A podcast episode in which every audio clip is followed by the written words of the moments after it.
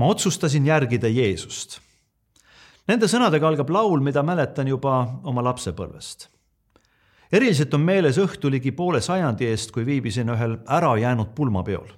jah, sa kuulsid õigesti, osalesin ärajäänud pulmapeol Soomes siia abielluma tulema pidanud peigmeest ei lubatud Nõukogude Liidu poolt okupeeritud Eestisse sisse.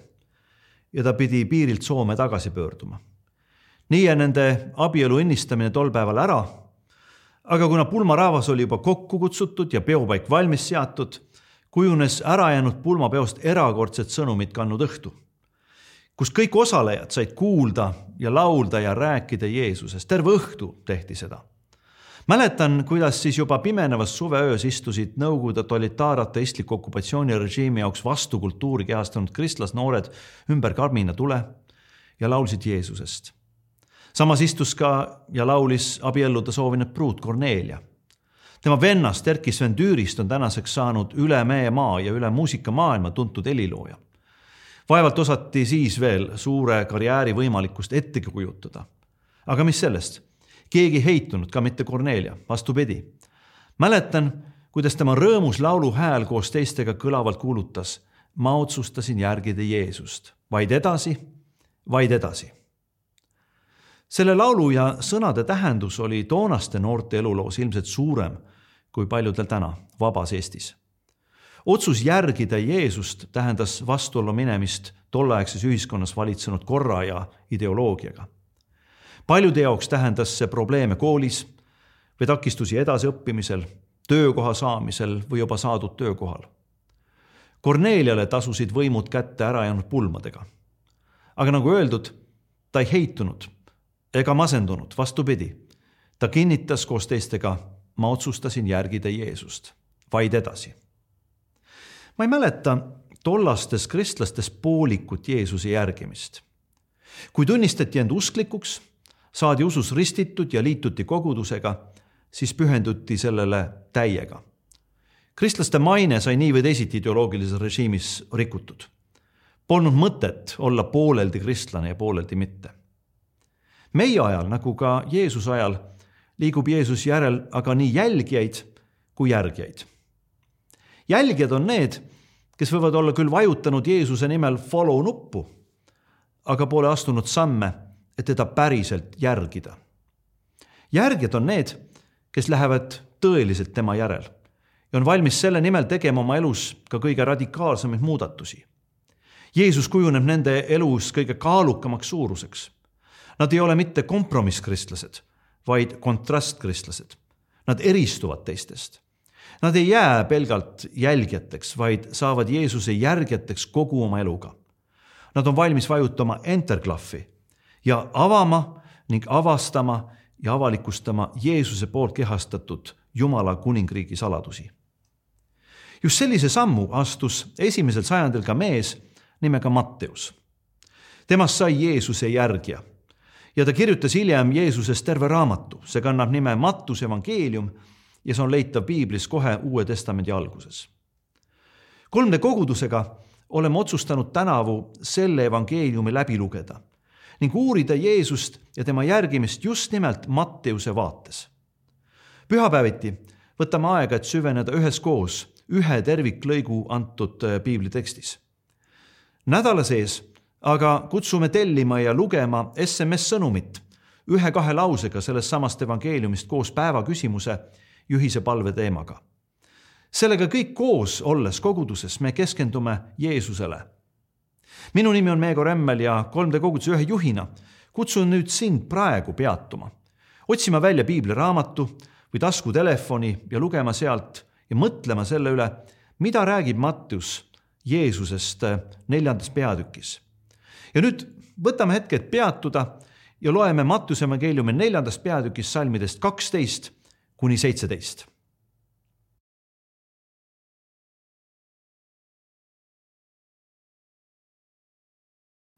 eelmises peatükis jutustas Mattius suurest ristimisest, mis leidis aset Jordani jões Iisraelimaal. rist Johannes kuulutas prohvetlikult ette messia ilmumist, keda oodates rahva hulgad massiliselt ristimisele tulid Nende hulgas ristis Johannes ka Jeesuse.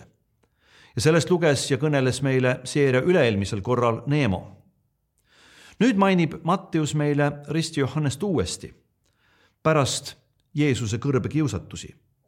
Jeesus tuli sealt võitjana välja ja sellest rääkis eelmisel korral Dione. aga vahepeal oli Rist Johannes vangistatud. Ta oli oma prohvetlikus sõnumis tauninud kuninglikust soost kohaliku valitseja Herodes Antipase skandaalseid seksuaalsuhteid. oli ta ju Galilei alade valitsejana armunud Herodiasse, kes oli tema ühe venna tütar ja samaaegselt tema teise venna naine. vaatamata kõigele meelitas ta Herodiast oma abielu lahutama, lahutas ka ise oma naisest ning võttis Herodiase naiseks. Nii sai temast ka kuninglikust soost kuninganna, kes võis valitseda oma endise mehe venna kõrval võimu nautides. hiljem loeme täpsemalt, mida Mattius selle afääriga seoses kirjutab. aga olgu siinkohal öeldud, et kuna Rist Johannes sellist suhet avalikult kritiseeris, siis kirjutas Mattius, et Herodes oleks tahtnud Johannese tappa kuid kartis rahvast, sest Johannest peeti prohvetiks. Kuidas aga reageeris sellele Jeesus? Jeesus hakkas kuulutama, parandage meelt, sest taevariik on lähedal. nii alustas ta laialdast Jumala riiklikku kuulutustööd nimelt Galilei aladel, kus Herodes valitses. see oli meeleparandus kutseks kõigile, ka Herodesele ja herodeslastele meeleparandus pidi tähendama mitte ainult meele, vaid kogu oma elu muutmist. Pole ime, et Luuke evangeelium mainib hiljem, kuidas ka Jeesus eh, sai hoiatuse, et Herodes tahab ka teda ära tappa. aga Jeesus ei lasknud ennast sellest häirida. tema tegevus, kuulutus ja õpetus keskendus Jumala kuningriigi valitsemisele ja see valitsemine oli üle kõige ja kõigi, ka üle selliste kuningriikide valitsejate kelle võimumängude saatanlike kiusatustega ei lasknud Jeesus ennast allutada. rahvas jälgis Jeesust ja rahvas jälgis ka tema tegevust ning mõistis selle mehe jumali mehelikkust. nii hakkasid varem Johannese ristimiskutsele järgnenud inimesed suurel hulgal järgima Jeesust. Mattius meenutab, et kui Jeesus oli kuulda saanud, et Johannes on vangistatud, läks ta tagasi Galileasse ja jättis Naatsareti ning asus elama Kapernauma, mis on järve ääres, Sebuloni ja Naftali piirkonnas. Miks asus Jeesus nimelt sinna paika? külastasin hiljuti Kapernauma linnakest, mis on maalilise Galilea järve kaldal. ta on välja kaevatud ja ma võin teile kinnitada, et Jeesuse uus asupaik asus võrratult kaunis looduslikus kohas ehkki ta armastas imetlusväärse järve kaldal looduse keskel viibides selle ilu nautida, ei olnud see tema Kapernauma asumise põhjus. Mattius, kes oli kursis juudi prohvetlusega, märkis ja märkas, et sellega täitusid sajandeid jumala rahvale messialikku lootust andnud ja ootust kandnud prohvet Jesaja ettekuulutused. me võime nendest lugeda Jesaja kaheksandast peatükist, salmidest kakskümmend kolm kuni üheksanda peatüki teise salmini sest kui Jeesus asus elama Kapernauma, mis on järve ääres Sebuloni ja Naftaloni piirkonnas, läks täide, mida on räägitud prohvet Jesaja kaudu. Sebulonimaa ja Naftalimaa mereteel, sealpool Jordanit, paganate Galilea, rahvas, kes istub pimeduses, on suurt valgust näinud. ja neile, kes istuvad surmamaal ja surmavarjus, neile tõuseb valgus, ütleb piibel. Jeesuse tulek tõi, tõi Galilea järve ümbruskonnas ja Jordani jõe kallastel elanud inimestele ellu uue valguse. paljudel neist ei kuulunud paljude päritolu tõttu üldse juudi äh, rahva hulka. Nad ei olnud jumala rahva hulgast, nad olid pooleldi või täiesti paganrahvaste hulgast ehk siis üsna usukauged inimesed. mõned esivanemad olid omal ajal pooleldi sunnitud usku vahetanud, aga teised olid otse või kaude seotud Rooma okupatsioonivõimudega, nagu ka Mattus ise kes oli küll templi juures teeninud Leevi suguharust, aga töötas tolliametnikuna Rooma heaks. nii põlgasid juudid teda ja paljustki kõiki galilealasi. Jeesuse tulek nende inimeste ellu tõi aga totaalse muutuse. Mattuse sarnased inimesed võtsi, võisid hakata oma elu nägema sootuks uues valguses. Nad kuulsid ja nägid, kuidas Jeesaja ettekuulutus messia tulekust oli täitunud. Jeesus rändas läbi kogu Galilea õpetades nendes sünagoogides, jutustades ja jutlustades evangeeliumi kuningriigist ning tervendades haigeid ja vigaseid rahva seas, ütleb Matteus. sõna evangeelium tähendab eesti keeles rõõmusõnumit.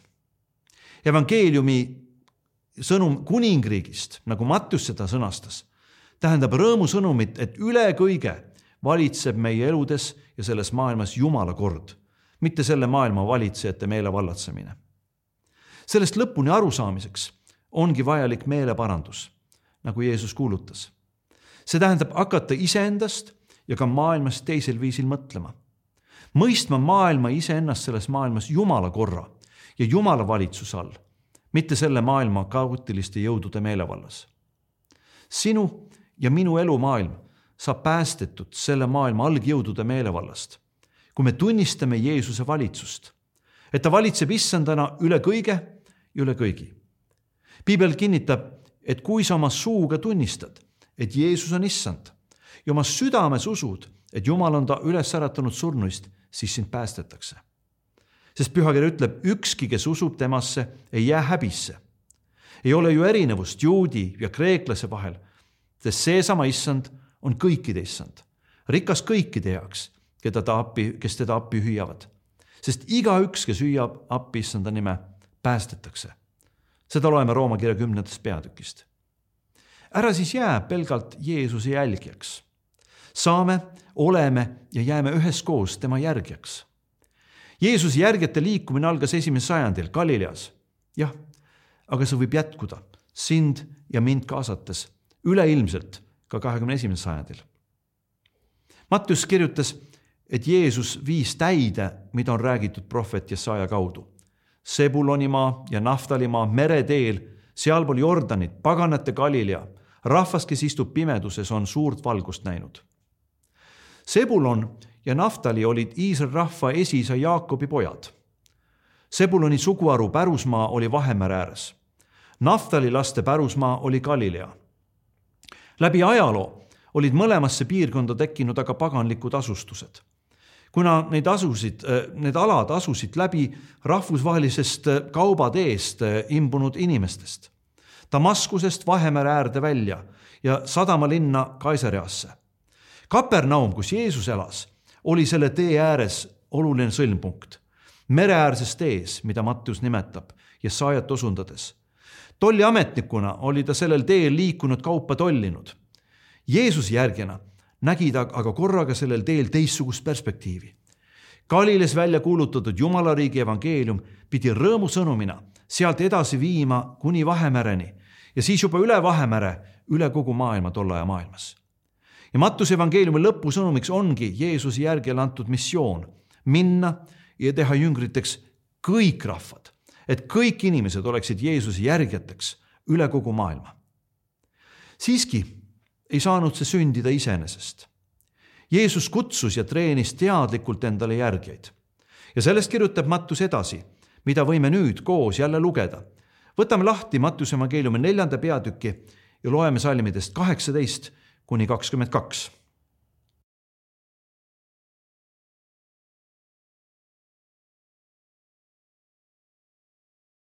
Peetrus ja Andreas olid Jeesusega juba varem kokku puutunud. kui me avame Johannese evangeeliumi, siis see jutustab, kuidas Andreas oli risti Johannese jüngrite ehk tema järgijate hulgas. ning ta oli näinud ja kuulnud, kuidas Johannes osutas isiklikult Jeesusele, öeldes vaata, see on Jumala tall. seepeale oli ta veetnud koos kaasjüngriga, kelleks paljud peavad Apostel Johannest, terve ööpäeva Jeesuse juures ja leidnud järgmisel päeval ka oma venna Siimona ja öelnud, me oleme leidnud messia. see on tõlkes Kristuse. ja Andres viis oma venna Jeesuse juurde, kes hakkas teda kutsuma Peetruseks ehk Kaljuks. ja siis loeme, et sellest järgmisel päeval tahtis Jeesus minna Galileasse. sellest kõigest on jutustanud Johannese evangeeliumi esimeses peatükis, salmides kolmkümmend viis kuni nelikümmend kolm. järelikult olid Andres ja Peetrus oma Galilea koju naastes Jeesusega nii tuttavad kui ka veendunud, et Galileasse on saabumas oodatud Messias. vahepeal viibis aga Jeesus nelikümmend päeva kõrbes. Galileasse tulles leidis ta need kaks venda järve ääres oma kalandusärile taas keskendunud tööd tegemas. vaevalt oskasid nad siis arvata, et Jeesus neidki oma missiooni elluviimisel vajas. Nad olid iseendi ja teiste silmis lihtsalt tavalised kalamehed. tõsi, tolleaegses Galileas oli kalandusäri väga hea äri, pakkudes põllumajanduse kõrval kindlat sissetulekut. kalameestel oli oma kindel kliendibaas, kes siis tarbis või ka tootis erinevaid kalasaadusi. ja need rikastasid Galileaste toidulaudu lisaks põllumajandustoodetele väga hästi. nii võisid ka Peetrus ja Andes olla oma ettevõtlike asjaajamistega jõudnud üsna heale järjele. Neil oli Kapernaumas suurem maja otse Galilea järve ääres, kus oli ruumi võtta vastu Jeesust, aga ka suurem hulgal rahvast, millest piibel jutustab. koos Sebedeuse ja tema poegade Jaakobuse Johannesega tehti Galilea kalanduses üksteist toetavat koostööd. ja arheoloogid on leidnud kirje, mis ütleb, et Sebedeus toetas Kapernauma äh, äh, sünagoogi ülesehitamist ka oma rahaga oma annetustega. kõik see näitab, et ühelt poolt olid vendadest äh, ettevõtjad majanduslikult kindlustatud, teiselt poolt aga väärtustasid nad Jumala riiki.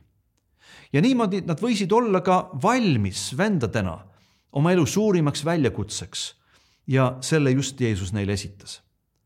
korraga seisatus nende ees Messias, nende oma kodurannal, Galilea järve ääres, otse nende ees mehed olid parajasti hõivatud oma igapäevatööga. Peetrus ja Andres olid just noota heitmas, ütleb Matteus. Jaakobus ja Johannes istusid koos oma isa Sebedusega paadis ja parandasid võrke. Jeesus aga peatub ja peatab ka nende töö.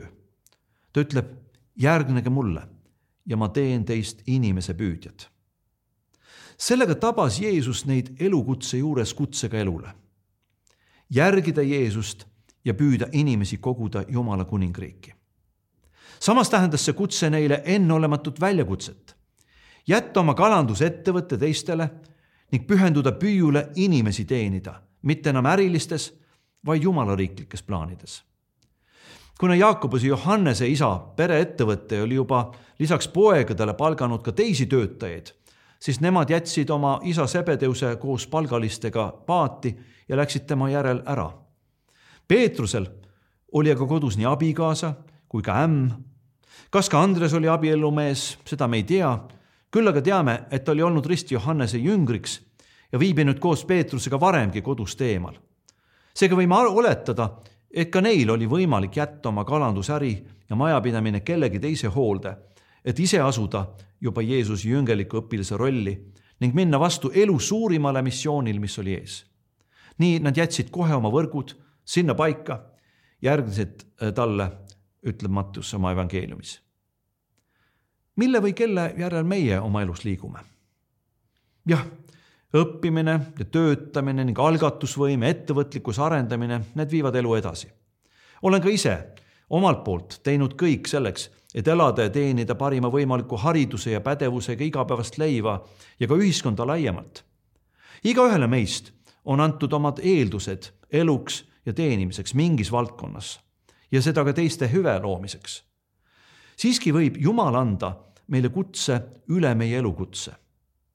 Nii on Jumal mindki kutsunud edasi liikuma ülikoolis õpitud erialalt pastoraalsele teenimistööle ja ka õppejõutööle.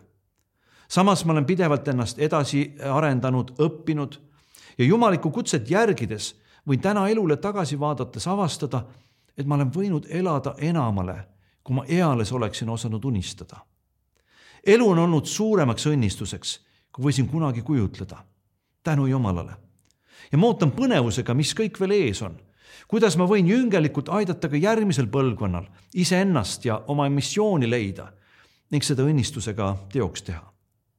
nii hakkasid ka Peetrus ja Andreas ning Jaakobus ja Johannes Jeesust järgides nägema, kuidas ta tegutses ning neidki tegutsema suunitles palju suuremas plaanis kui seni. paljugi ootas veel ees, aga esimesed kogemused omandasid nad juba kohe, sellesama Galilea järve ümber koos Jeesusega edasi liikudes peatume nüüd veel ja vaatame, mida Mattius kirjutab oma evangeeliumi neljanda peatüki lõpus, salmidest kakskümmend kolm kuni kakskümmend viis.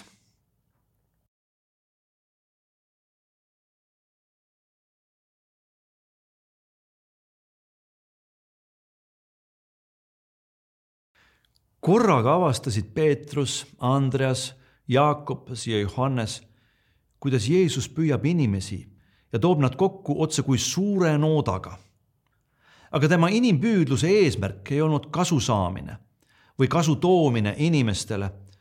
ta tõi kasu inimestele Jumala suhtes. ta tervendas neid, olgu nad pärit Jeruusalemmast, Juude või Samaariamaalt, Süüriast või kaugemaltki, nagu Rooma ametikandjad ja sõjaväelased.